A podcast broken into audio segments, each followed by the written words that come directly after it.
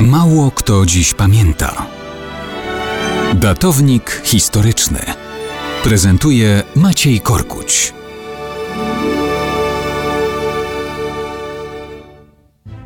Mało kto dziś pamięta, że wrzesień był szczególnym miesiącem w życiorysie Aleksandra Wolfowicza Mienia.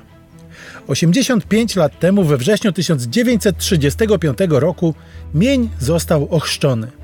30 lat temu, we wrześniu 1990 roku, zginął w niewyjaśnionych okolicznościach. Chrzest w cerkwi prawosławnej był dla niego momentem nadzwyczaj ważnym, tym bardziej, że Aleksander Mień został prawosławnym duchownym, jednym z najodważniejszych kapłanów tego odłamu chrześcijaństwa w czasach sowieckiego komunizmu. Co ciekawe, pochodził z rodziny żydowskiej. Jego ojciec Wolf Mień był ateistą. Matka Jelena Superfajn przeszła na chrześcijaństwo. Mień jako duchowny był postacią szczególną. Jaśniał na tle prawosławia, mocno spenetrowanego przez sowiecką agenturę i podporządkowanego komunistycznemu państwu.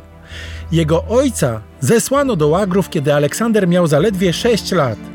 Sam szybko miał kłopoty z władzami i trudności w ukończeniu edukacji w latach 50.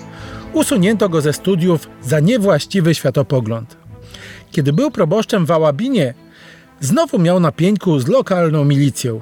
Inicjował powstanie listu otwartego do władz w sprawie zakończenia prześladowań religijnych. W latach 80. był już duchowym autorytetem oraz autorem wielu rozpraw, wydawanych także za granicą. KGB starało się utrudniać mu życie. Niezłomnie działał na rzecz odrodzenia prawosławia. Ochrzcił tysiące osób, utrzymywał bliskie kontakty ze świeckimi dysydentami i więźniami sumienia w ZSRR. Próbowano go zmusić do emigracji. Nie zamierzał się na to godzić. Czas pierestrojki wykorzystał do działalności misyjnej na terenie Rosji.